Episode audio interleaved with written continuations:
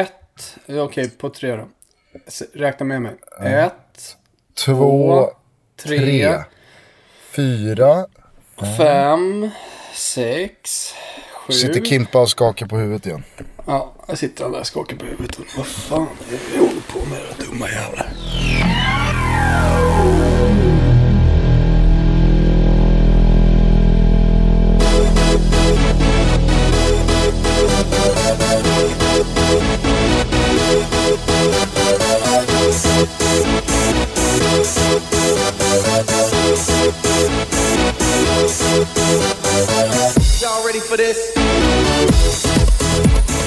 Du vet att det var 15 år sedan som Chievo Verona gick upp i Serie A.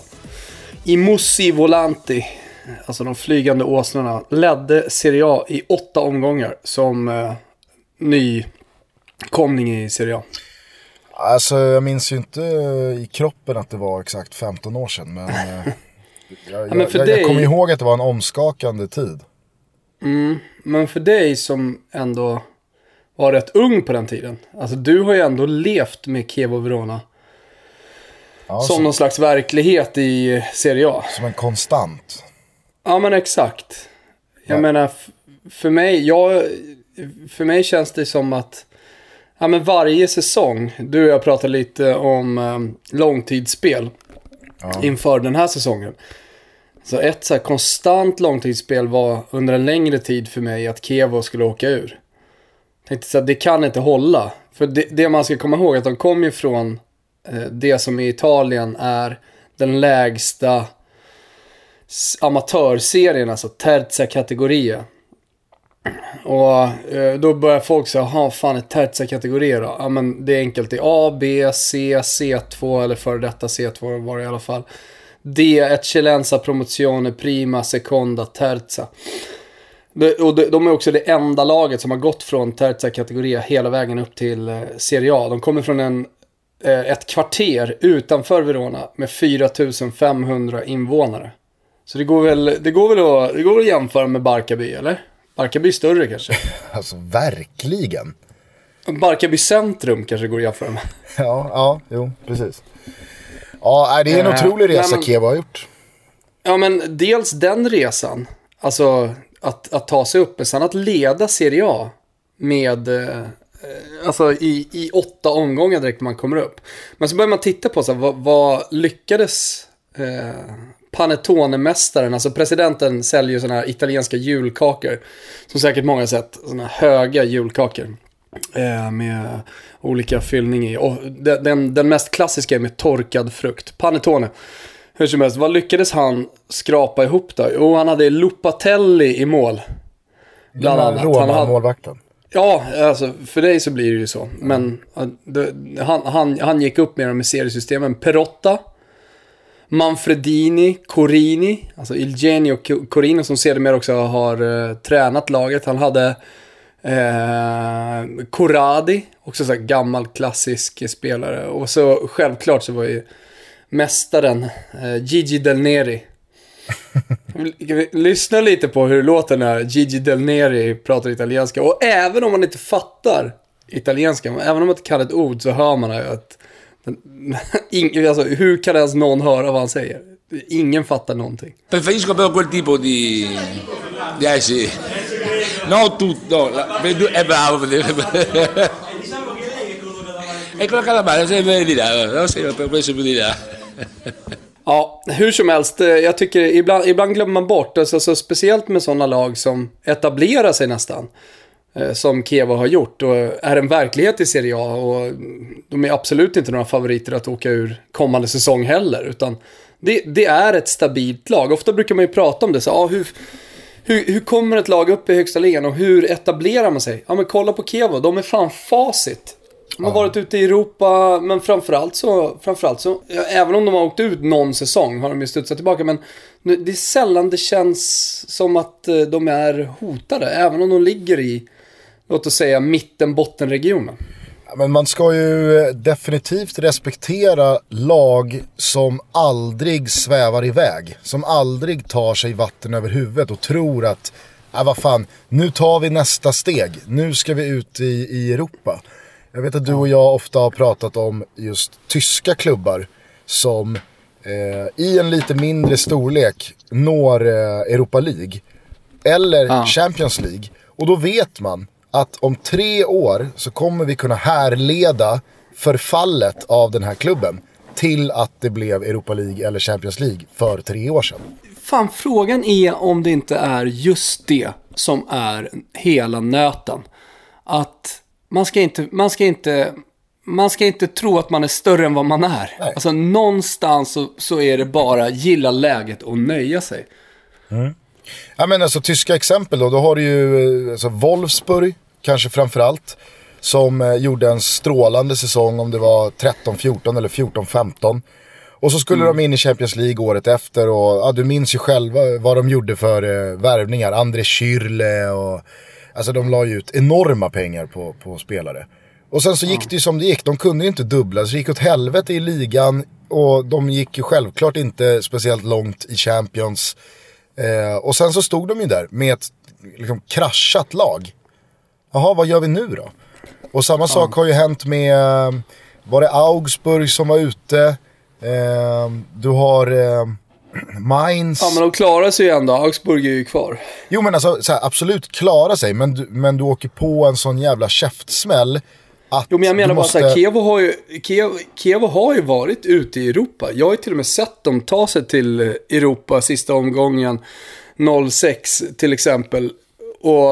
Ja men de låter ju aldrig Alltså- det steget fram bli två steg bak. Exakt, och det är det, som, det är det som ofta är problemet. Att då helt plötsligt så ska man börja värva, du börjar tänka stort, du kanske börjar spendera lite för mycket pengar mot vad storleken på din plånbok eh, motsvarar.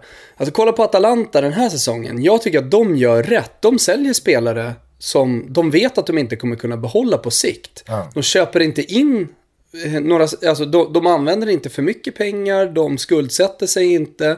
De fortsätter att försöka eh, bygga vidare på den stommen som de har haft, trots att de har tappat nyckelspelare. Där tror jag att, nu, nu är Atalanta lite större verklighet än vad, än vad Kiev Verona är, men, men, men där ser jag inte direkt någon... Ja, men jag, jag hör ingen varningssignal kring eh, Atalanta att, eh, ja, men att de fokuserar kanske lite för mycket då på Europa och kommer glömma bort eh, ligan och riskerar att åka ut, utan tvärtom. Alltså det är nog ett lag som kan bygga vidare och göra någonting likt Torino, försöka etablera sig på den övre halvan och sen då kunna hota, liksom man gjorde när Glenn Strömberg var där, vissa säsonger om att eh, ta sig ut i Europa. Men, men Kiev är någonting annat. Alltså, för de har ju lyckats det med all, det alla klubbar i de lägre serierna med stora ambitioner drömmer om. Alltså att ta sig upp i seriesystemen och kanske hela vägen upp till högsta ligan och sen etablera sig där. För det har de verkligen gjort. Alltså nu, det, det finns ingenting som talar för att Kievo kommer att bli ett eh, serie C-lag igen. Nej. Känner man inte lite samma sak kring Gävle? Alltså Gävle var ju länge Sveriges Kevo. Ja, alltså det kan du säkert bättre än mig. Alltså deras historia. Nej, men de, jag- de orkar sig upp med en stomme som fanns spelade i division 2 och sen så går då genom ettan, superettan, kommer upp i allsvenskan och i 5, 6, 7, 8 år så var de ju nederlagstippade inför varje allsvensk säsong. Men Jo, men sam... Jo. Pelle Olsson och grabbarna lyckades hela tiden visa att men det är lugnt. Vi, vi löser nytt kontrakt på nytt kontrakt på nytt kontrakt. Vi kan till och med börja titta uppåt i seriesystemet. Vi kan börja sikta mot övre halvan. Men de tog sig aldrig något vatten över huvudet och började liksom köpa in spelare som inte alls stämde överens med profilen, med staden, med klubben, med DNA. Utan det var liksom, vi är fortfarande Gävle IF, vi svävar inte iväg. Nästa säsong så kommer den enda målsättningen vara att så tidigt som möjligt säkra nästa års kontrakt. Och därifrån är allt en bonus. Jo, men alltså det, det är klart att du kan göra den jämförelsen, men det är fortfarande inte närheten av vad Kiev och Verona har gjort. Alltså, Absolut, och det, fick för- vi, ju- och det fick vi ju bekräftat här nu när eh, Pelle Olsson lämnade och ett och ett halvt år senare så, så åker Gävle ur och tar hissen genom superettan liksom. Nu Ja. verkar ju allting tala för att Gävle spelar i division 1. Jo, men det man ska komma Över ihåg också, det är att vi pratar om en förort i Karlstad. Det här är liksom det här är inte Karlstad United som har gått upp, utan det är Värmskogs IF som har tagit sig hela vägen upp i seriesystemet. Ja. Alltså det, är, det, är inte ens en, det, är, det är inte ens Barkarby, det är inte ens en förort till, till Stockholm. Utan det, det, det är en mindre stad, visserligen huvudstad i en region, men det är ändå en mindre stad.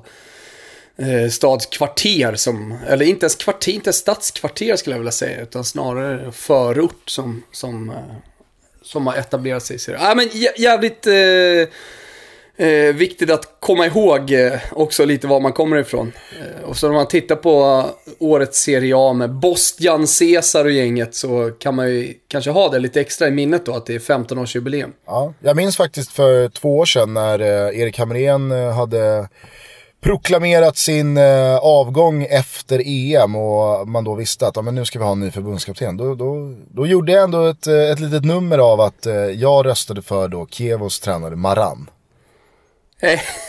Det är sant. Han är fan underskattad. Hörni, varmt välkomna ska ni vara till Tutski Balutski. Det är tisdag och eh, det pågår eh, studiobygge för fullt Gusten. Du ska åka iväg och köpa, du ska åka iväg och köpa isolering. Eh, och varför det här är intressant, det kanske inte är så intressant för våra lyssnare. Jo, men det är ju ändå det med tanke på att eh, ljudet, det krispiga ljudet som ni har vant er vid när det är Toto Balotto, det är snart tillbaka. Utrikeskorrespondenten har ju inte gått att ringa eh, i och med att vi inte har haft något tekniskt system. Det är snart tillbaka. Ponne är snart tillbaka.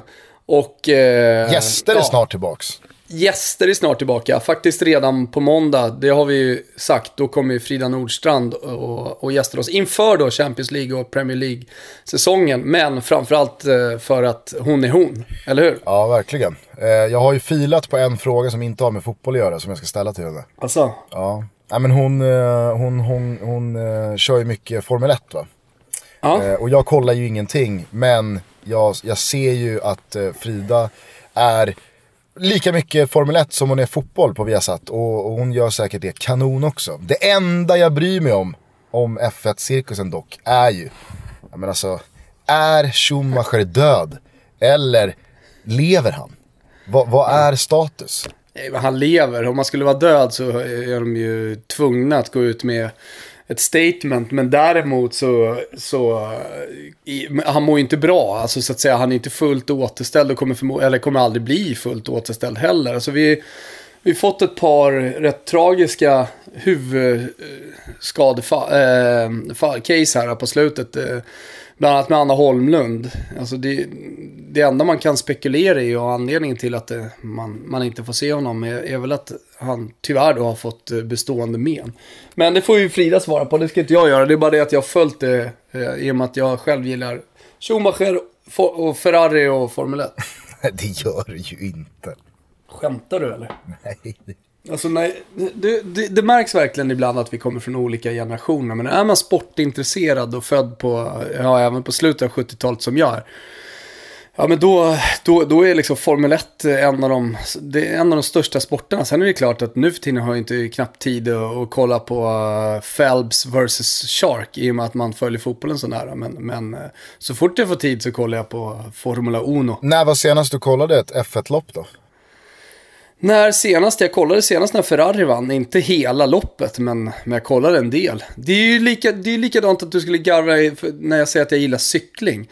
Alltså hela 90-talet satt jag ju och kollade på, eh, på Pantani och, och gänget. Alltså det, ja, vi var ju till och med på väg ner flera gånger och skulle springa längs med cyklisterna längs eh, eh, längs bergsetapperna. Jag hade till och med en bergatröja som jag festade med på Koss. Så att det, det, ja, men det, jag tror inte du, du, är väldigt mycket fotboll, men jag tror inte, att- jag tror inte att du förstår liksom, sportintresset för en 70-talist. Vem leder F1-serien? Vem som leder? Ja. Det är väl Fettel. Det är, det är väl Vettel eller Lewis Hamilton. Det är ju liksom, det är en coin, det är en coin Nej, men det har gått bra för, det har gått bra för Ferrari. Jag säger inte att jag följer, jag säger ju det. Jag följer inte supernoga längre. Och jag... Eh, eh, ja, men jag tycker, jag, jag, det är inte så att jag sitter och håller på Ferrari som jag en gång gjorde. Men jag, men jag tycker här- jag absolut att det finns en poäng. Eller poäng, jag, jag tycker absolut att det är trivsamt. Som Patrik Westberg skulle säga. Jag tycker att det är trivsamt att sitta med en Peroni och vara alldeles ensam eller med en kompis och kolla på uh, Formel 1. Ja, jag känner här och nu att vi får nog stänga F1-lådan eh, till Frida-avsnittet. För att det, det, det ja. sista både jag och vad jag tror många lyssnare vill, är att du ska börja liksom ta poäng hos Frida genom att briljera med gamla haltande F1-anekdoter. Kan hända. ja, verkligen. Eh, annars så sitter jag och fokuserar den här eh, tisdagsmorgonen på att det är ju ett jävla helvete att vi aldrig ska kunna sätta två tuttotripplar samma helg. Ja, men vi kan väl ändå uh, slå fast vid att vi aldrig har varit närmare. Nej, det får man nog säga. Det sista Djurgården, som saknades för Malmö jackpot. Ett. Det ja. sista som saknades för jackpot var alltså att Djurgården skulle ta minst en poäng mot Malmö. Ja. Eh, jag hade redan satt min trippel, du hade två av tre inne och sen så försökte vi då gnugga in det här tredje sista benet på din trippel för dubbel jackpot. Men Gunnarssons knä kom emellan. Jag fick till och med sms från eh, Betsson. Som, uh, ja men till och med de kände med mig höll jag på att säga. De tyckte, att det var, de tyckte faktiskt att det var jävligt surt. Och då är det många som tror, men vadå, de tjänar ju pengar på att de inte sitter. Jo, fast de, de tänker faktiskt inte så i, vad det gäller Toto-tripplarna. Så jag fick till och med sms här från, från dem igår. Det, här, det, var, det var ju sanslöst att åka på ett självmål i 92 med en man mindre och med ett Djurgården som har pressat eh, satan för att eh, sätta vinstmålet. Ja, nu började vi ju i eh, Toto trippel änden. Det finns ju jävla massa att säga om den här allsvenska omgången. Eh, jag vet att vi satt bara för några veckor sedan och du satt och lugnade ner mig, tog ner mig på jorden när man var lite för exalterad över en allsvensk omgång. Men den här omgången, jävlar, den hade det mesta alltså. Ja, det hade den. Alltså framförallt så hade den väl eh, åtaliga punkter som går att diskutera eller som folk har eh, då ältat eh, under hela helgen. Vissa saker som har dragits till sin spets verkligen. Eh, alltså domarsituationer och och så vidare. Jag vet inte, var vill du börja någonstans? Nej men eh, det är väl klart att eh, jag kan eh, hålla mig till Tele2. Jag var på plats igår och såg då mötet mellan Djurgården och Malmö. Och jag skjutsade ju... ju dig till den här matchen Gussen. Ja. Vi kan väl börja där. Ja, vi hamnade ju mitt i... Skodan rullade ju igenom ett, ett, ett box. Nej, det var inte så mycket box, det var snarare en misshandel. Var det mm. inte det? Ja. Var en, för, en, förmodligen en Malmö-supporter kan ha varit en bajare, jag vet inte. Och så var det väldigt många djurgårdare. Mm. Slut. En som hade gått vilse där. Han blev ju av med dojorna. Det var Han blev av med en sko i alla fall såg jag. Det var själva Kanske crescendot på den här maktdemonstrationen. Ja. Att uh, nu åkte du på däng så att vi tar dina skor. Ja, och sen var det high fives med mm. ett 20-tal Djurgårdssupportrar. De var stolta. Ja, det, det, alltså så här, det, Grattis. det som man bar med sig från de där sekunderna, det var ju att de är inte gamla de här grabbarna alltså. Nej, det var någon. någon som har stannat kvar. Ja. Ja, det är, ju, det är, det är ju en, eh, ett litet parallellt universum det där som eh, man inte är i allt för ofta när man går på allsvensk fotboll. Men som finns där, som ligger och puttrar eh, som man ibland eh, har eh, oflytet att eh, hamna mitt i. Men skitsamma, låt oss fokusera på det som händer på plan. Jag är ju helt jävla eh, alltså, handlingsfattig i mina försök att förklara det som Malmö håller på med den här säsongen. Jag vet att det, det är liksom så här, det pratas om den här vinnarkulturen, jag har säkert själv sagt det och det är ju så många som vittnar om att det sitter i väggarna där nere. Ponne har ju bekräftat det flera gånger hos oss. Och att det verkligen är en faktor som Malmö har och som kanske egentligen alla andra svenska lag just nu saknar och har gjort så i en del år. Men jag vet inte riktigt om, om, om man kan vara så konkret gällande det och om man ska lita på det. Det man däremot kan konstatera det är ju att Malmö FFs facit den här allsvenska säsongen från minut 80 och framåt är ju helt löjligt. Absolut. Alltså, sen tycker jag att eh, Rosenberg sa det ganska bra igår. Alltså, I många av de här matcherna, eh, när de har gjort sena mål, så har de pressat. Alltså, de har tagit över matchen mer och mer. De har varit tunga. Motståndarna har eh, blivit ja, men nerpressade och sen i slutet så har de vaskat fram till och med flera chanser Eh, Eh, jag minns matchen, eh, såg på plats eh, mot AIK borta. Alltså det, det, det var en jämn match, AIK hade kunnat gjort mål tidigare och sådär. Men just i de här slutminuterna, alltså när det var 7-8 minuter kvar.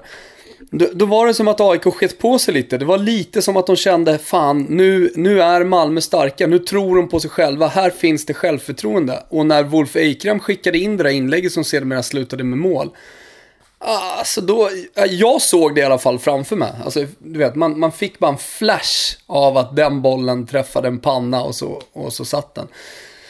Så att, eh, alltså, men, men, igår, då var det inte riktigt så, utan då, då, då är det ju ett flytmål. Eh, precis som Rosenberg säger efter matchen också. Det, det var ingenting de förtjänade, men hej, så, är fotbollen också. Det brukar jämna ut sig över en, över en hel säsong. Eh, Framförallt så men, är det ett sånt här mål, alltså så här, det, det, finns ingenting att be om ursäkt för i det målet. Men... men... Det är väl ingen som ska be om ursäkt här, men, men däremot så kan, man, alltså, så kan man ju ändå se skillnad på just det här i slutminuterna. Här är det ju, här är det ju ett modigt försök av Svanberg. Jag kan ju tycka i det läget lite som Gilardino mot Tyskland när eh, den italienska kommentatorn säger ah, han går mot hörnflaggan. Han är ungefär i samma läge, fast i vänsterläge. Ja. Det är ett jävla referat av kommentatorn. Poi ancora insiste Podolski, Cannavaro! Cannavaro! Via il contropiede con Totti! Dentro il pallone per Girardino! Girardino la può tenere anche vicino alla bandierina! Cerca uno contro uno! Girardino! Dentro Del Piero! Del Piero!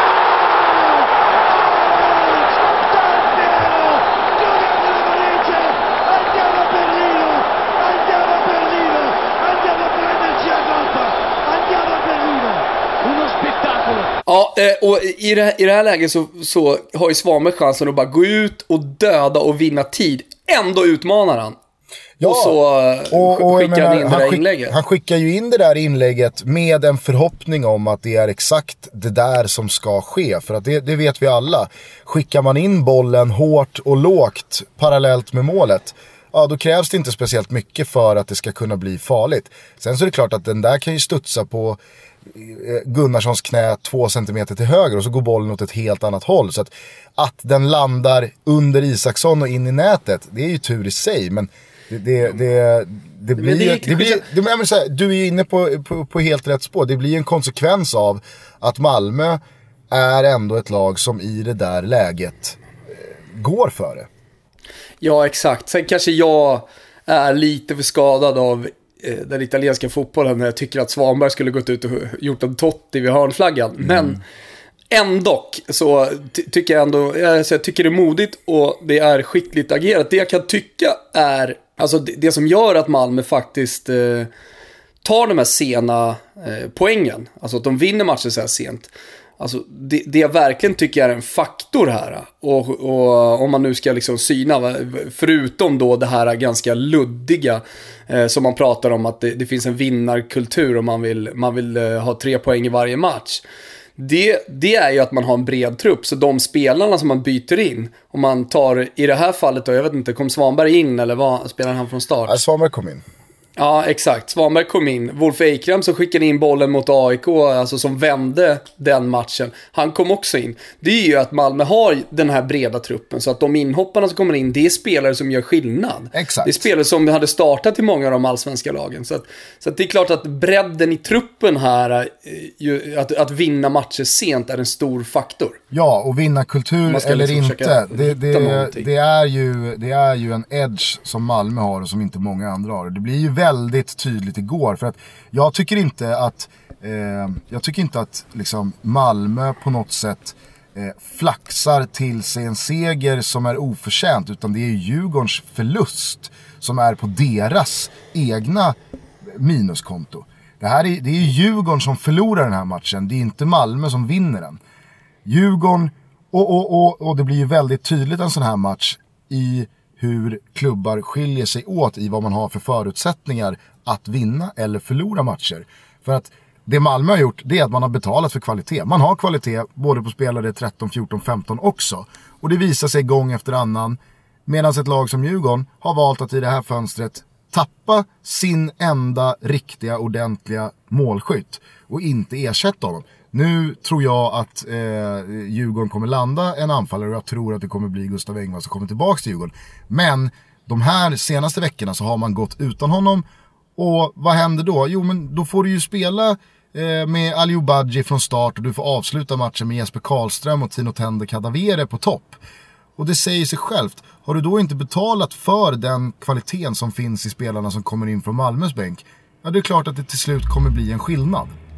Men det jag kan fascineras över eh, i, i liksom efterspelet av den här matchen, jag valde ju att kalla det här för ett grovt väpnat rån av Malmö. Mm. Att de lyckas ta sig därifrån med tre poäng. Och jag vill bara återigen understryka, jag stod och rabblade upp, jag gick på den här matchen med min tjej och med eh, Björn och Oskar från Dobb och Fan-TV.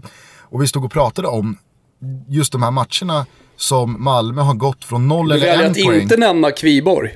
Ja men Kviborg, eh, han satt på pressläktaren. Eh, så att ah, vi okay. sågs både innan och efter. Men eh, jag var på den här matchen med Oskar och, och Björn. Ja. Skitsamma. Eh, när man pratar då om matcherna i år som, eller som, som Malmö har gått från noll eller en poäng till tre poäng sista tio minuterna. Det är helt sjukt hur många matcher man kan räkna upp. Och det måste man ändå ge till Malmö att vad det än handlar om, och det går väl att härleda både till kvalitet på bredden i truppen och en vinnarkultur och säkert två och tre faktorer till. Jag vet inte om man eh, också ska kanske ge någonting till Magnus Persson som, som kanske är en jävla duktig matchcoach, vad vet jag? Det vet mm. eh, Malmö-supportrar bättre än vad jag gör. Ja, framförallt så är ju folk bra att eh, ta ifrån Magnus Persson mycket. Alltså när man pratar om Malmö, eller när jag pratar om Malmö, som absolut inte har sett alla matcher, kanske hälften. Eh, så, är det ju väldigt många, även Malmö-supportrar, som, som säger att vi har fortfarande inte börjat spela bra. Men vi leder ändå serien så här stort. Mm. Vänta bara tills vi börjar lira bra fotboll. Och det, det, det tycker jag är en lite det är en sanning modifikation. Det är klart att Malmö kanske inte har varit alltså där överlägsna i spelet som, man, eller som vissa uppenbarligen hade förväntat sig. Men, men, det är klart att de har gjort det bra, att de har gjort eh, bra matcher. Jag tycker, jag eh, kommer på flera stycken som jag tycker att de har spelat bra. Jag vet, och sen vet jag inte heller vad folk förväntar sig sådär eh, när man, när man ser laget på pappret och när man blickar mot säsongen i, i, i mars. Att, att man ska totaldominera spelet och vinna matcherna på det sättet. Det är inte så det, är inte så det funkar alltid heller när man, när man vinner ligor och när man dominerar en serie. Jag tycker i alla fall att det går underströks igen att Malmö FF är Sveriges överlägset bästa lag på att vinna fotbollsmatcher. Ja. Och det är, jag vet inte vad det, det betyder. Nej men, men det är så den allsvenska tabellen ser ut. För jag, jag, jag, vill, ju, vill, vill, vill ju mena på att alltså, det Malmö jag såg igår. Alltså, det, det, jag ser inte, jag satt och tänkte så här, hur kan det här laget leda allsvenskan med 10 poäng ner till tvåan? För så jävla bra är de inte. Så bra ser det inte ut.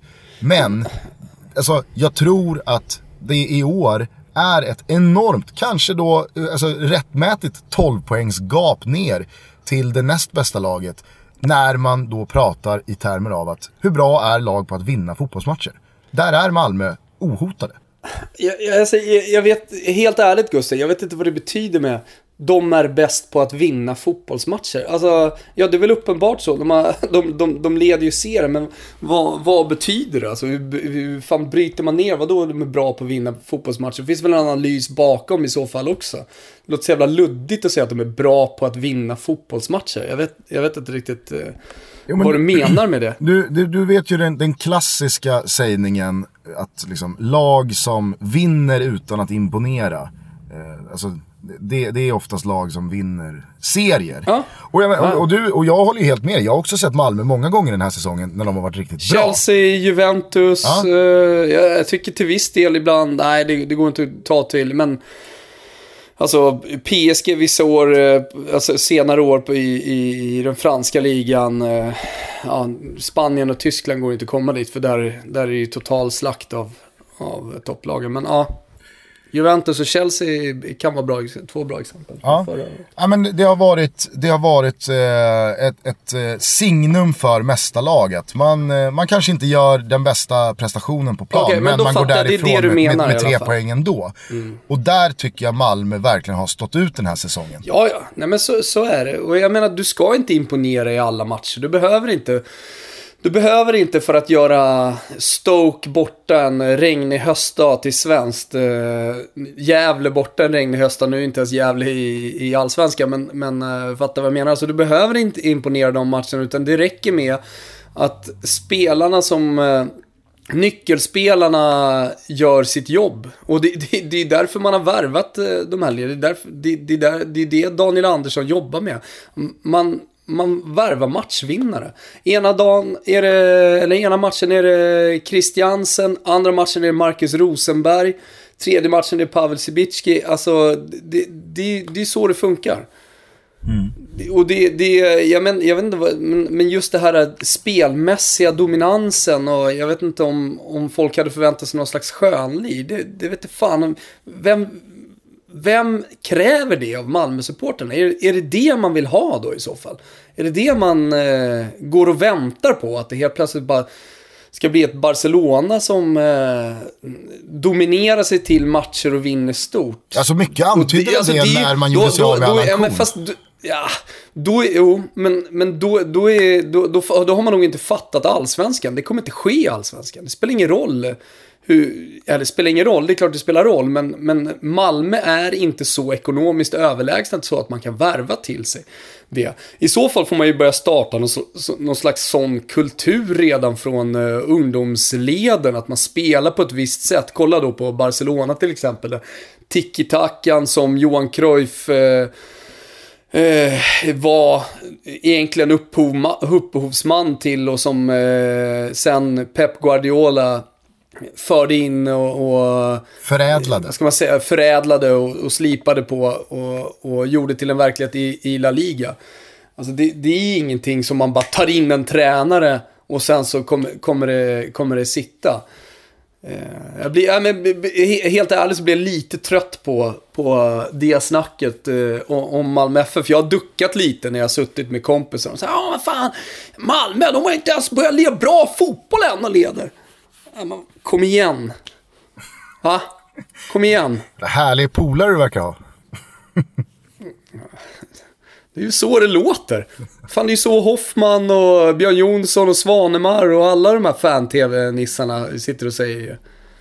De låter ju precis sådär. Nej. Jo, de låter fan exakt sådär. Det är precis sådär de låter. Och så sitter de på Twitter och så håller de på att älta någonting jävligt ointressant. Någon slags eh, polemik. Det är ju allsvenskan. Fan, checka ut helt alltså. Jag ska muta alla de här äh, gubbarna. Ska jag göra. Börja grotta ner i Formel 1 igen. Ja, fan hellre det alltså. Det är så jävla mycket tröttsamma diskussioner just nu på sociala medier i, i mitt flöde. Och alla, vet du det Gusten? Alla är skyldiga. Vi är fortsatt sponsrade av eh, våra polare på Betsson. Vi var som sagt jävligt nära i helgen att eh, få till den där eh, dubbeljackpotten där båda satte sina tototripplar. Den här veckan, i helgen, mm. då kommer det vara lite specialtripplar, eller hur? Ja, för att jag har ägnat i alla fall den senaste veckan åt att eh, dagligen analysera oddsen Eh, och försöka hitta långtidsspel. Och för att göra det så krävs ju faktiskt eh, ett enormt jävla arbete. Alltså du måste ju gå igenom varje trupp, eh, du måste gå igenom varje lag. Och sen så ställa dem mot varandra för, för, att, för att hitta liksom, ja, intressanta odds vad det gäller långtidsspelen. Och de är ju roliga, de är ju speciella. Det finns ju någon slags extra prestige också i långtidsspelen. Mm. Ja, håll med om det. Ja, verkligen. Eh, så att eh, håll era ögon och öron öppna för veckans då specialversioner av Toto-tripplarna som kommer komma ut. Det är alltså långtidsspel. Och det känns jävligt roligt eh, att, att vi gör den lilla twisten med Betsson den här veckan. Ja, exakt. Och vi, vi kanske gör så att vi börjar med långtidsspel i, i Premier League då den här helgen. Så tar vi Spanien, Tyskland och eh, Italien vad det lider. Mm, verkligen. Eh, alla oddsen finns hur som helst på Betsson.com. In och gör era egna analyser så kanske vi möts i någon perfekt eh, långtidssymbios i, i, i dagarna här. Tack Betsson! Om vi håller oss kvar på Tele2 men eh, backar ett dygn så spelades det ju en eh, ganska så deppig match måste jag säga mellan eh, Bayern och Häcken i söndags. Den slutade ju dock med ett par jävligt rafflande minuter som jag tror ganska många har koll på vad som hände. För er som inte har det så drar jag bara korta snabbversionen. Eh, Bayern ligger under med 1-0 när eh, klockan tickar upp på övertid. Eh, Häckens mittback Ojala går ner för kramp när eh, Häckens målvakt Abrahamsson har bollen. Abrahamsson skickar då ut ett eh, kast över sidlinjen. Det blir således Hammarbys inkast. Bollen landar hos Jiloan Ahmad som sätter igång ett anfall istället för då att enligt eh, kutymen och eh, hederskodexen spela tillbaks bollen till laget som la ut den. Och så slutar det med att Smarason, 5-6 passningar senare, stänker in 1-1 och det blir ju supergruffet. Och eh, alltså Häckenledarna går ju bärsärk.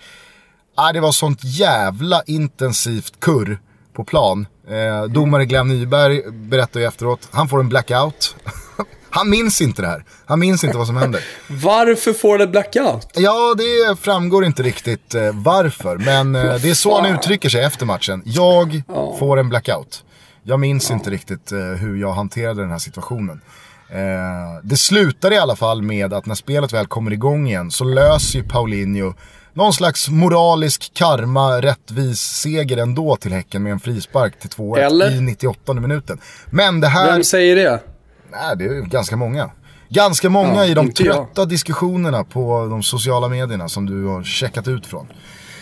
Jo, men eh, alltså, du, du, tycker, vänta Gustav, ja, du, måste förstå, jag... du måste förstå mig här när jag säger den trötta diskussionen. Det blir för mycket polemik i som jag tycker liksom, är ganska löjliga diskussioner. Alltså det är väl ganska uppenbart här att bayern fansen känner att eh, han gick ner i kramp bara för att vinna tid. Alltså hade jag, hade jag i något av mina lag sett det och sett motståndarna, precis det som hände för Häcken, kasta ut bollen, hade blivit helt jävla vansinnig.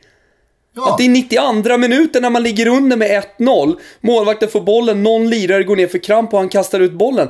Alltså det, det är klart man blir så jävla lack och det enda man vill när man står på, på läktaren. Och är det någon supporter som säger emot här nu, då, ja, då får man fan gå och lobotomera hjärnan. För, eller, eller, nej men, kanske inte lobotomera hjärnan, men man, man, får, man får ju i alla fall ransaka sig själv lite, för då ljuger man för sig själv om man säger att man inte hade blivit lack om den hade kastats tillbaka. Så många jävla lägen jag varit i underläge som supporter på en läktare. Och man ser någon lirare gå ner för någon fejkkramp. Alltså det är bland det värsta jag vet alltså. Ja. ja men helt ärligt, det är bland det värsta jag vet. Och man ser liksom hur klockan tickar och bara, nej, nu är det kramp alltså. Nu är det kört i den här jävla matchen. För nu ska den där jävla fittan gå ner och lägga sig och dra sig för låret. Nej, alltså, så, alltså jag fattar Gille som kastar och som skiter fullständigt i att han går ner. Du ser, han tar ju maxlöp sen, två sekunder senare. Ja. Med superkramp i baksidan. Eller? Och, och, sen, och sen, så, sen kan vi prata om hederskodex och så vidare. Jag kan till och med säga att jag tycker att de gjorde fel Häcken. Förfölj i alla fall de oskrivna reglerna eller någonting. Men som supporter som bayern supporter så fattar jag att man tycker att det är rätt. Och alla andra som inte fattar bayern supporter så påstår att de inte hade blivit lacka. Att de minsann hade stått och nickat och bara japp, ah, det är schyssta lirare vi har i vårat lag för vi är minsann ärliga. Ja, de får fan ransaka sig själva. De får boka en tid hos eh, lobotomeringen. Nej men eh, jag var ju på väg då att ta den här recapen i mål så att alla får vara med. Men nu, nu gick Sorry. det ju lite händelserna i förväg och jag tror att folk förstår då vart du ställer dig någonstans i den här diskussionen. Men det blev ju ett jävla hallå kring den här situationen. Inte minst då när Gille efter matchen lugnt och sansat har kommit ner i puls och ändå väldigt rakt och tydligt står för det han gör. Han pratar ju om det du pratar om här. Att jag uppfattar situationen som att eh, Häckenspelarna hade hållit på hela andra halvlek med att maska och döda tid. Och när deras mittback går ner för kramp utan att någon av våra spelare har varit inblandade. Då kan jag inte eh, köpa att jag ska spela tillbaka bollen om de väljer att sätta ut den. Hade däremot någon av oss varit inblandad i en smäll eller det hade varit någon eh, nickduell och spelaren går ner skadad, då är det inget snack. Då är det klart att jag sätter tillbaka bollen. Men det här bedömer jag är en sån uppenbar situation som de har satt i system för att döda tid. Och då blir det ju då clashen här. Ska man till alla pris följa hederskodexen som är att spela tillbaka bollen? Eller ska man börja tumma på det här? Det här är ju 2.0 i det som jag tycker att svensk fotboll har blivit bättre på senaste åren. Nämligen den här diskussionen. Vad ska man göra om en spelare går ner och lägger sig i spelet? För fem år sedan då kunde ju vilken läktare som helst unisont bua till spelarna la ut bollen när en spelare låg ner på plan. Sen så öppnades ju den här diskussionen och man började... Inte ens diskussionen, domarriktlinjer. Ja, ja men exakt. Den diskussionen... Spela aldrig ut bollen, det är vi som blåser. Den diskussionen öppnades och sen så något år senare så stod vi på en upptaktsträff och man från domarhåll sa att nu är den nya riktlinjen som följer. Mm. Domaren blåser av i huvudskada, är det inte huvudskada, då är det domaren som avgör. Och har inte domaren då blåst av spelet, så fortsätt spela. Och det känns lite som att idag så är supportrarna och publiken många gånger fine med att man inte spelar ut bollen trots att någon av sina egna spelare ligger ner på plan. För att vi har kommit dit att så är inte hederskodexen längre. Men, det värsta jag vet, där... också som supporter, det är ju när bollen spelas ut när någon ligger ner. Ja. Det, den ska ju inte spelas ut. Nej, men man måste ju också så här, man, man måste också kunna vara så pass eh, nykter i fotbollssammanhang att alla, alla de här situationerna är situationsanpassade. Jag menar, Absolut. Jag, är det 37 minuten 0-0, eh, ja. det är inget lag som har haft anfall. Eh, Eller 72 minuten och mitt lag leder med 3-0. Absolut. Klart som fan jag slår ut bollen, inga problem. Och det är nog ingen ja, men det är som... det jag menar att man måste förstå i den här situationen, att det är 92 minuter, att det, att det finns nyanser även i den här diskussionen. Ja. Det finns inte bara en hederskod som säger det eller säger det. Utan det finns också nyanser i det. Här var det extremt. Och jag, jag, jag, hade, jag hade det varit Hammarby AIK hade jag förmodligen stått på läktaren och varit vansinnig också. Och kanske i efterdiskussionen, i alla fall i brinnande efter, eh, efter matchen liksom. Men, men jag hade ju ändå, när jag nyktrat till ett par dagar efter, fattat varför Gille gjorde det. Jag hade fattat situationen. Och jag, jag är i alla fall så pass ärlig att jag kan själv stå här eh, efter, eller att jag själv efter en sån match kan sitta och säga att jag, jag, jag fattar bayern support att de tycker att Gille gjorde rätt. Mm. Och sen, problemet blir ju det jag sa, jag älskar fan-tv-ligan och alltihopa. Jag raljerade lite när jag sa sådär tidigare. Jag älskar, jag älskar att det finns diskussioner också. Jag, jag gillar att det brinner kring allsvenskan. Det, det är inte det jag menar, jag bara tycker att det har blivit kanske en Eh, en, en polemisk diskussion för mycket på sociala medier. Det, det, det är väl snarare det. Men jag, jag, jag har så jävla svårt att se att ingen som bara kan ge Liksom, som, kan, som kan se nyansen i det här, att det var ex, ett extremt läge. Plus att man då går tillbaka och säger att jo men Bayern är de som har maskat mest hela säsongen. Så de får fan skylla sig själv. För det Bayern har hållit på med, det har varit liksom idel maskningar i var, och varannan match. Det, det, det, det är ju så surret går kring eh, alla som inte är Bayern. Ja. Och det, det, tycker jag också kan vara, ja, men då, då blir det lite hopp och lek och eh, sandlåda över det hela. Ja, alltså jag, jag, jag förstår ditt ställningstagande här. Jag tycker i alla fall att den här situationen... Det är inget direkt ställningstagande, utan det, det, jag, jag, jag säger ju helt ärligt, jag hade själv blivit lack. Ja. Man måste kunna nyktra till. Jag det, det är bara det jag säger. Jag förstår inte de som fortfarande idag inte förstår. Nej.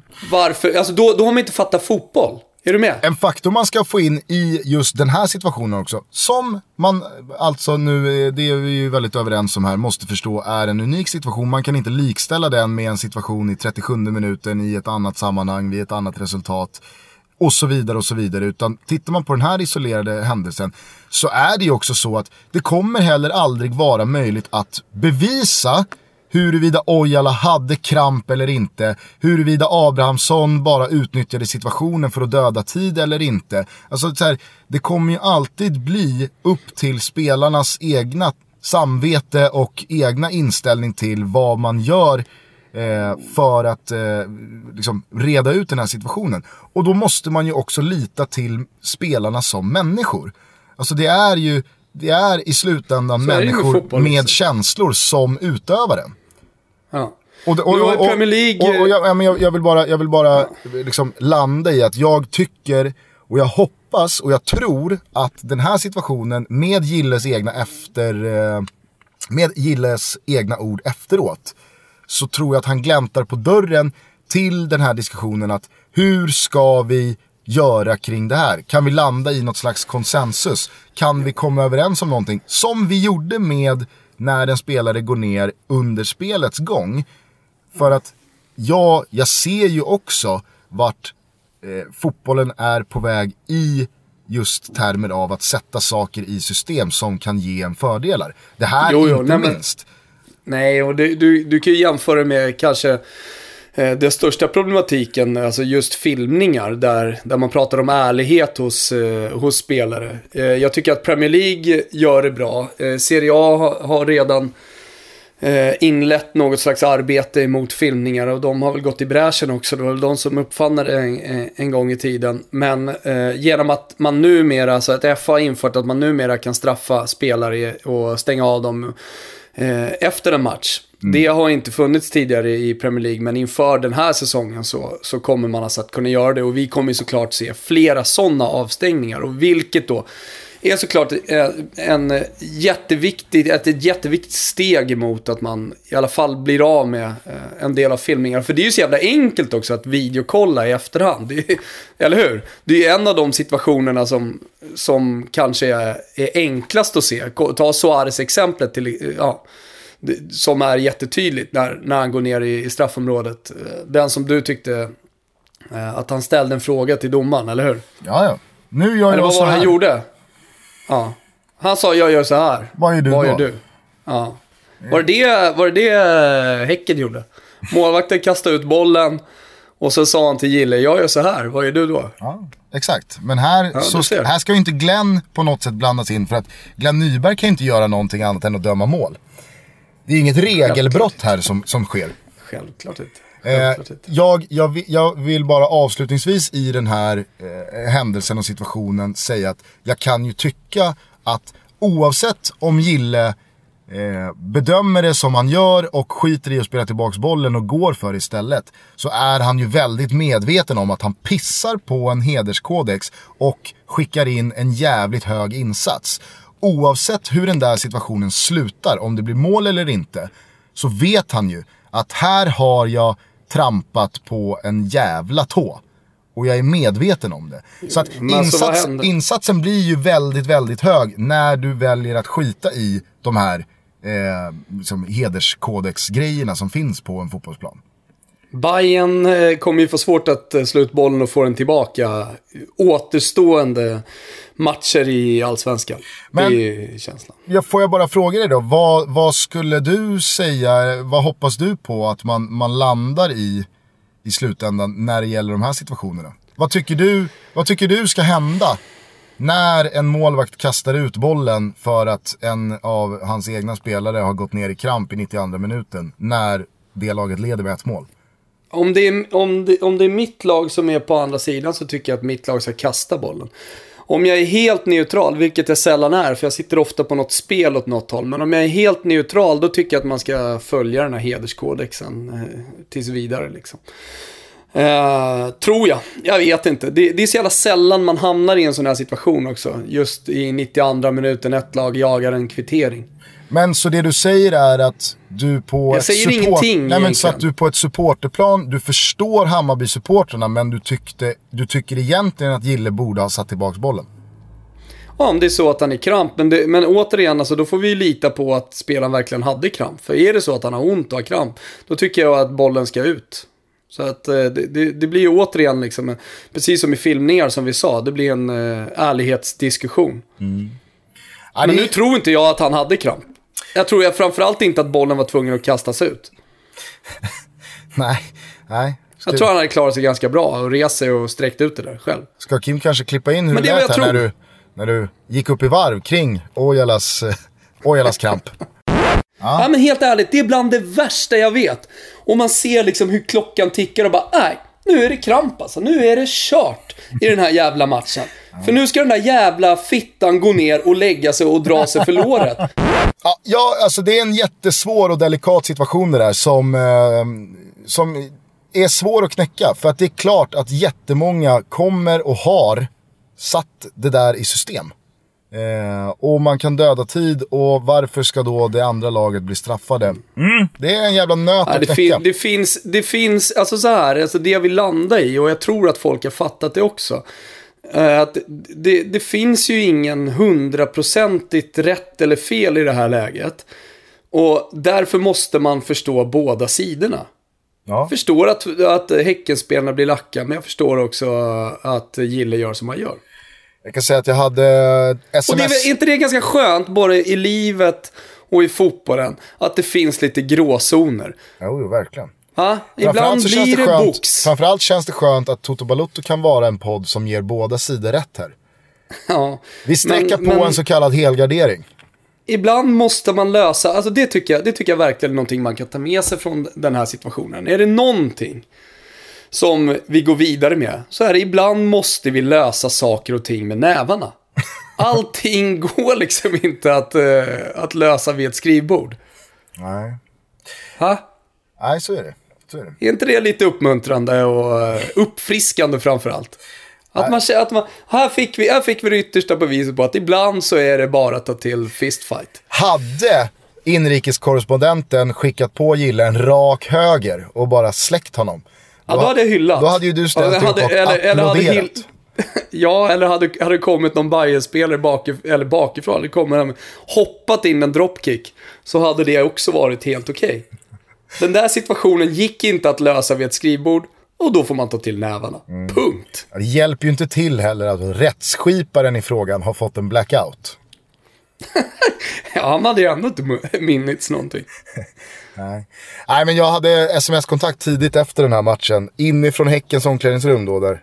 Eh, när jag mässade lite med Friberg. Han, eh, Ja, nu får du fan leverera lite, Ja, för inrikeskorrespondenten har inte sagt mycket på slutet. han bekräftade ju i alla fall att det var en av de absolut skönaste eh, efter matchen-stunderna i ett omklädningsrum han någonsin upplevt. Och det kan man ju Ja, verkligen förstå. förstå. För att... Eh, Men jag kan, jag kan också tänka mig, okej, nu vann de ju matchen ändå.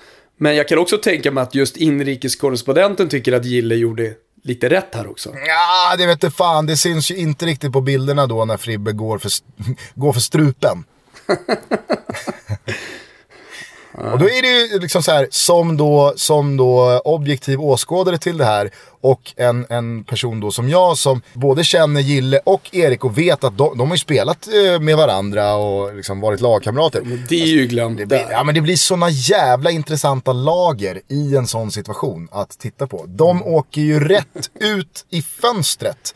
Alla jävla stunder man har haft tillsammans i, i samma båt. Helt plötsligt så är det ju liksom, alltså, Gille är ju död för Friberg i den där Jo sekunden. men, jo men är det inte, går det inte att applicera lite rugby-hederskoder här? Att alltså det som händer på planen, det vill säga blodvite, lite slagsmål, en armbåge. Det händer också på fotbollsplanen, sen efter så går man ut och tar en bärs tillsammans. Alltså jag är övertygad om att eh, Friberg och Gille, eh, de, hade ju, de hade ju släppt det där gentemot varandra tio minuter efter jag matchen. menar ju det. Det är Absolut. det jag menar. Absolut. Ja, nej, det, Och det är så det ska vara också. det är en gråzon och ibland så kanske man ska låta gråzoner vara gråzoner. Ibland så kanske Jag man ska minns- låta känslorna ta över. Jag minns, eh, på tal om storhetsvansinne, eh, det vi diskuterade tidigare här med, med att Kievo ändå håller fötterna på jorden och att det kanske är det som gör att de fortfarande är kvar i Serie A. Jag minns ju när Fiorentina fick storhetsvansinne. Och det var också då det började vända. Det var då de började liksom tappa den positionen som man hade vunnit och eh, förtjänat i toppen av Serie A. Eh, när man då introducerade och försökte få med sig hela fotbollsvärlden. Eh, det de kallar för Il Terzo Tempo, alltså den tredje halvleken. Där eh, man på hemmaplan i alla fall radade upp så ställde sig framför spelartunneln. Eh, och sen så tackade alla spelare eh, i, mot, i motståndarlaget för, för matchen. Mm. Alltså att man då i någon slags rugbygest, eh, det var ju inspirerat från rugbyn, det sa man till och med liksom från Fiorentina-håll. eh, ville då oavsett vad som hade hänt i matchen eh, så, så, ville man ändå ha det här ja, eh, vänskapliga eh, efter.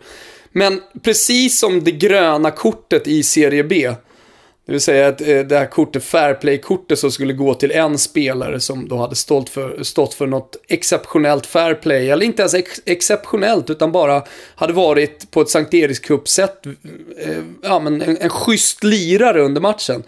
Så gick det ju åt helvete ja. med eh, den tredje halvleken. Alltså det gröna, det gröna kortet har ju då på två säsonger, kan vi minnas, delats ut en gång. Däremot så är det ju, jag tror att det är ett snitt på en fyra röda eller fem röda varje Serie B-omgång. Mm. Eh, och eh, den här Terzo Tempo, det, det slutade ju när, när det blev bråk med Borja Valero, var det i en Juventus-match när han blev utvisad. Och Fiorentina helt enkelt vägrade ställa upp sig på, på det här, eh, i det här ledet och, och tacka motståndarna. Då, då, då dog ju också det. Men vad gjorde de? De lät känslorna ta över. Och här sitter vi än idag och pratar om det. Ja.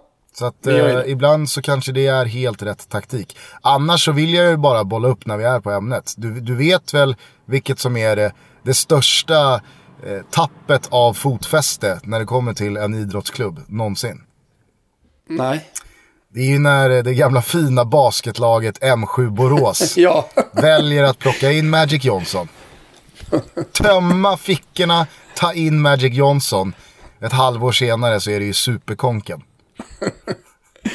ja. Där behöll man inte ens en tånagel i närheten Nej. av något golv. Nu Thomas, nu är det spikat och bestämt var och när vi kommer köra vårt första event tillsammans med våra polare på Business Event Network. Och det som alltså blir jungfrufärden för eh, det Toto Balutto-nätverk som kommer att eh, då finnas i Bens vanliga affärsnätverk. Eh, det kommer bli kring den jävligt maxade VM-kvalmatchen mellan Holland och Sverige. Då kommer vi och Ben teama upp med de kunder som vill vara med i det här nätverket. Och det har redan börjat eh, bokas på platser. Så att eh, jag föreslår att alla ni beslutsfattare där ute som vill ha en plats i den här båten Gå in på Toto Baluttos eh, landningssida hos eh, businesseventnetwork.se och börja scanna av möjligheten att nypa några platser för de börjar gå åt.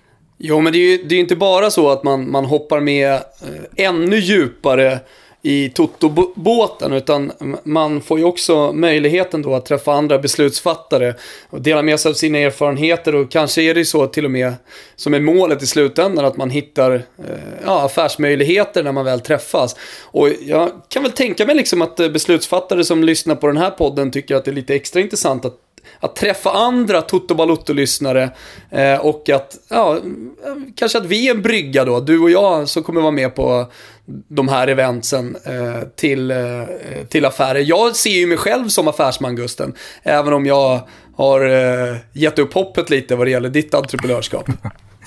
Vi kan väl i alla fall då bara återigen då påminna om att det kanske är en bra start att eh, vara med när det då handlar om eh, både en maxad fotbollsmatch, alltså Holland-Sverige i VM-kvalet. Mm. God mat, bra sällskap och en jävla supergrogrund för att eh, alltså, optimera hela sin jävla verksamhet. Ja, det blir ju inte korv med bröd nere på närmaste kiosk och en, en padda-match, utan vi kommer ju slå på rätt stort här tillsammans med Ben. Man tar sig in på businesseventnetwork.se snedstreck. Där finns ah. all info.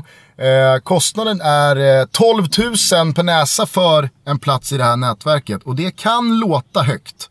Men vi lovar att det här kommer vara värt varenda jävla krona. Ja, det är inte så att man betalar för en 12 lax för en kväll. Utan det här, är ju, det här är ju deltagande i Sveriges bästa affärsnätverk. Så det är bara att gå in. businesseventnetwork.se slash tutobaluto. Kommer du ihåg eh, att vi eh, pratade en hel del om eh, Halmstads Chad Haksabanovic när han då valde att tacka nej till de svenska ungdomslandslagen och istället åka på en montenegrinsk A-landslagssamling i våras. Ja, det är klart jag kommer ihåg det.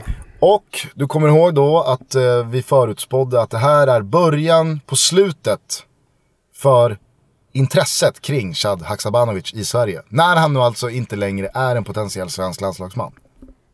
Ja, men lite så ja. ja. Absolut. Och nu verkar ju allting klart med att eh, han går till eh, West Ham. För, ja, det är officiellt till och med. Ja, för 30 millar någonting.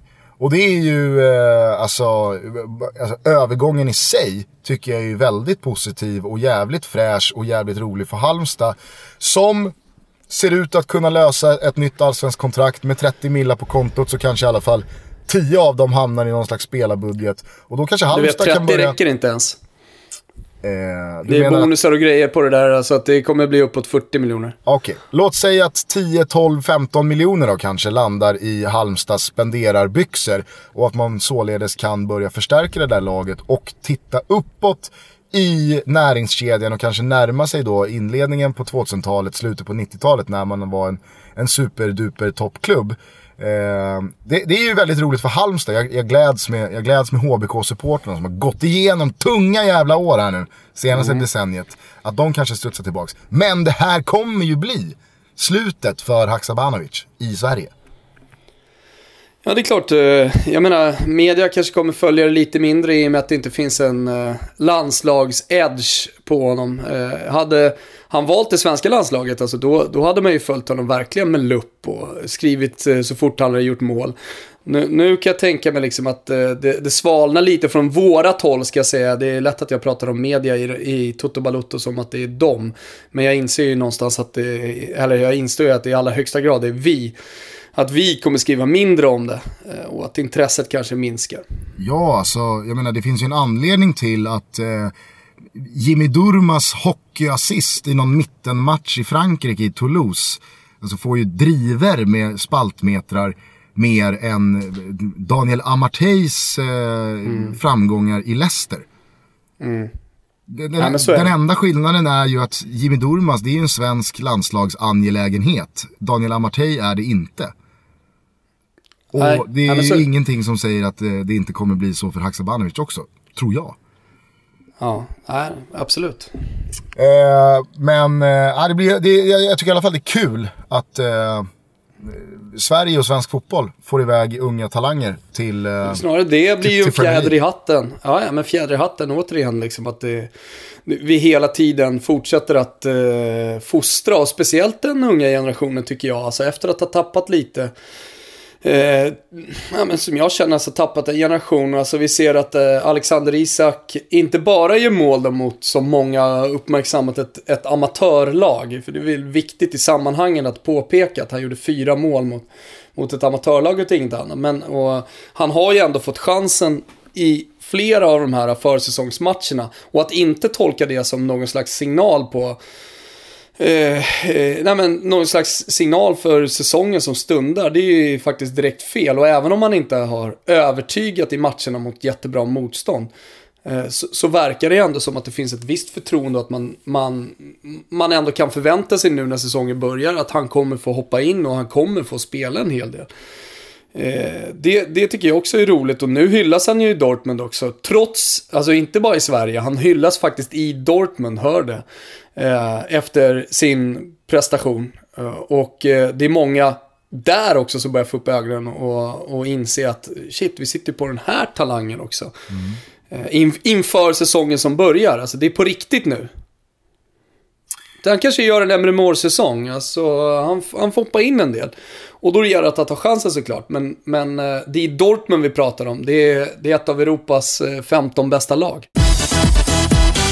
En, en, en, kort eh, tanke som slog mig bara här innan vi börjar runda av. Senast vi eh, släppte avsnitt så var det ju torsdag, Europa League och eh, vi var väl ganska så eh, inte säkra på, men det kändes i alla fall som att ja, Östersund löser väl ett avancemang och AIK kommer eh, tyvärr få lämna mot, mot Braga. Så blev det ju, men Eh, vi var ju många som låg upp och kollade på AIKs insats borta mot Braga och jag tyckte de står för en jävla superprestation. Alla vet vad som hände när Oskar Linné då tvålar in 1-1 eh, i slutet av matchen och sen så när eh, alla väntar på straffar så löser Braga 2-1 eh, på alltså, tilläggstid på övertiden.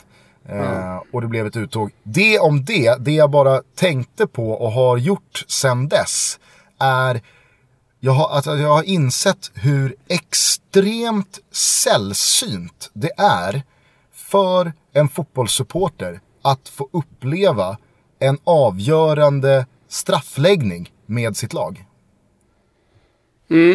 Ja, det är ju det är så extremt sällan det händer och speciellt i, i ett större sammanhang där, där eh, en eventuellt vinst eh, skulle betyda extremt mycket för laget. Ja, och jag tror här, om vi tar AIK som exempel, så kan jag inte minnas att AIK har varit inblandade i en straffläggning eh, på... Eh, Som inte är Svenska Cupen menar jag. Exakt. Jag kan inte minnas att det har hänt. Och den här, den här matchen är ju inte någon eh, liksom, första kvalrundan i Intertoto.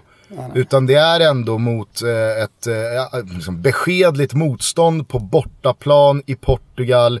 Och man är då liksom ett dubbelmöte från ett gruppspel i Europa League Ja, bort. speciellt, det är det som är i när man potten. nu sitter, speciellt nu när man sitter med facit i hand och ser vad AIK hade fått för, för motståndare. Ja, och jag kan tänka mig att, vad var det, man- 300-400 aik som hade åkt ner till Portugal. Alltså, Mm. Det de hade fått uppleva vid Ja, det hade varit historiskt om man hade vunnit. Ja, men det de hade fått upp, uppleva rent känslomässigt i den här straffläggningen. Det är ju så få förunnat eh, supportermässigt. När man börjar titta på hur extremt jävla sällan det sker för klubbar. Att vara med om en straffläggning med så mycket i potten. Att jag, jag känner så här, ah, det kanske dröjer 20 år till nästa, till, till nästa chans. Ja, se- senaste straffläggningen som verkligen betydde något för ett svenskt lag. Det var väl ändå miraklet i Milano, eller? Eh, Du menar eh, när San Siro-Sven nyper Rekoba? Jajamän. Ja, men det, det var ingen straffläggning. Nej, det var det inte det. Sorry. Utan det, var, ju en straff, en straff i ja. matchen. Ja, ja, ja. Det har du ju rätt i. Det har du ju rätt i. Så att jag, jag, jag, kan, jag kan på riktigt in, alltså så här, den senaste riktiga jävla straffläggningen som liksom, supporterhjärtat svajade till i. Kan det ha varit 94? Ja, det är möjligt att det var det. Och då diskvalificerar man ju sig själv på grund av ålder. Alltså jag var fem bast. Ja. Eh, så att, ja, och, och visst, jag har ju, jag har ju sett Roma eh, både och liksom, segra och torska på straffar i någon kvartsfinal i Champions League och någon åttondelsfinal i Champions League och, eh, och sådär. Men jag, jag har aldrig varit på plats och sett den straffläggningen live. Jag tror fan jag aldrig har varit på plats och sett en straffläggning live. Nej, jag såg ju då... Nej, just det. Nej, det var inte live. Eh, jag tänkte på när Fiorentina åkte ut mot Rangers. I semifinal i Europa, i Europa League eh, var det ju Uefa-cupen fortfarande. Bobo Vieri missade straff bland annat.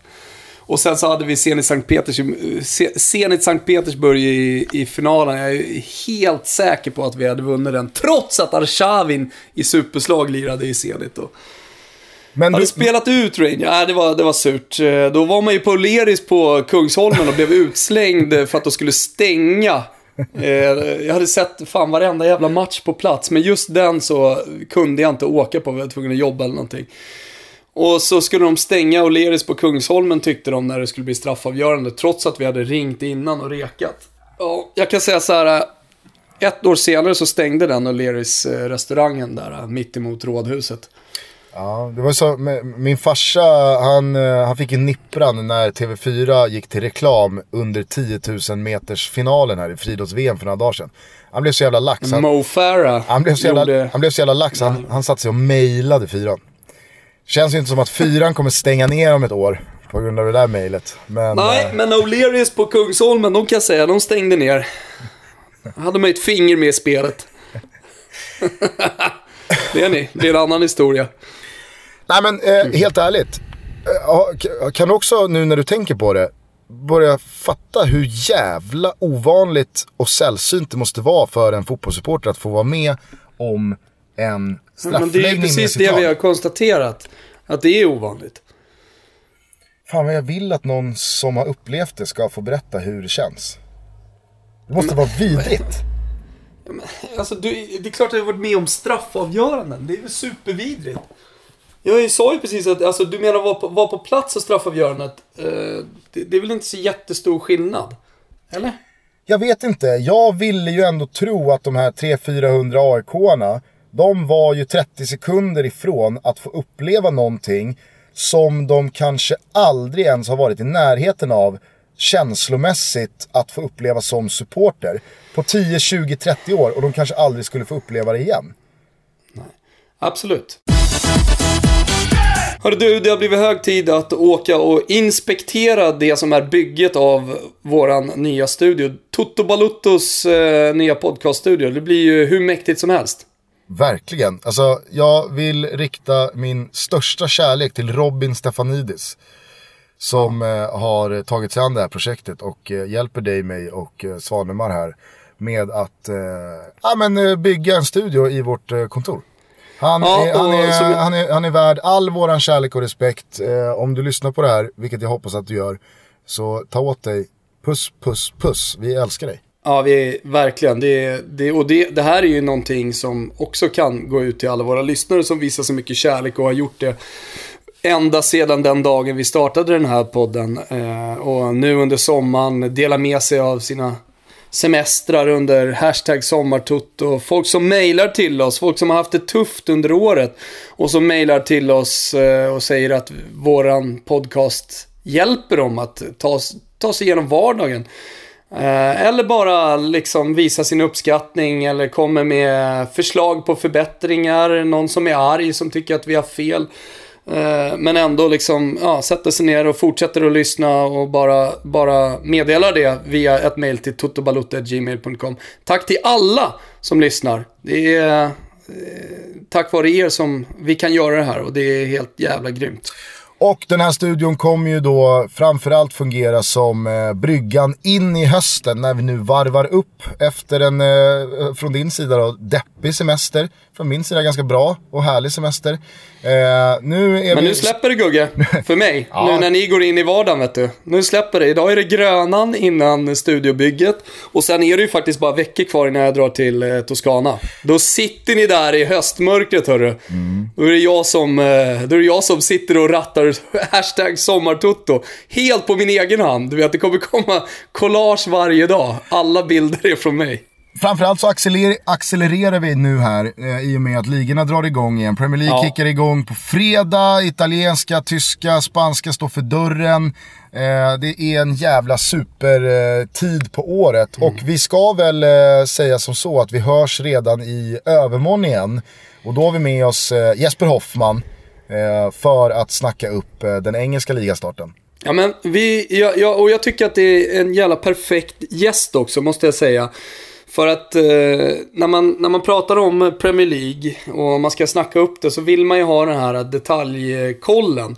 Och det är väl som du har sagt, alltså Jesper Hoffman är väl någon slags, eh, något slags orakel vad det gäller, eh, vad är det det heter? Fantasy Premier League.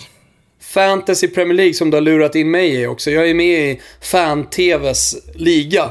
Eh, och, och jag menar för att vara ett orakel på Fantasy Premier League, ja, men då måste man ha koll på precis alla spelare. Och det är den detaljkollen jag älskar med Jesper Hoffman. Och vet du vad? Det viktigaste av allt för en fotbollsexpert. Det är att man kollar på mycket fotboll och man gör analyser för sig själv med kompisarna och så i efterhand. Det vet jag att eh, Jesper Hoffman gör när det gäller Premier League. Även om han är mest känd som aik i fan-tv. Så en underskattad jävla Premier League-expert och därför ska han också självklart vara med i Toto Balutto. Det blir superhärligt. Eh, Vi eh, gör så att vi sätter punkt för det här avsnittet. Vi hörs som sagt snart igen. Vill ni oss någonting så finns ni på nämnd mailadress eller på sociala medier. Ciao tutti eller? Ja, det är faktiskt precis så. Ciao, tutti! like the legend of the phoenix. All ends with beginnings. What keeps the planet spinning? Ah, the force from the beginning. Love.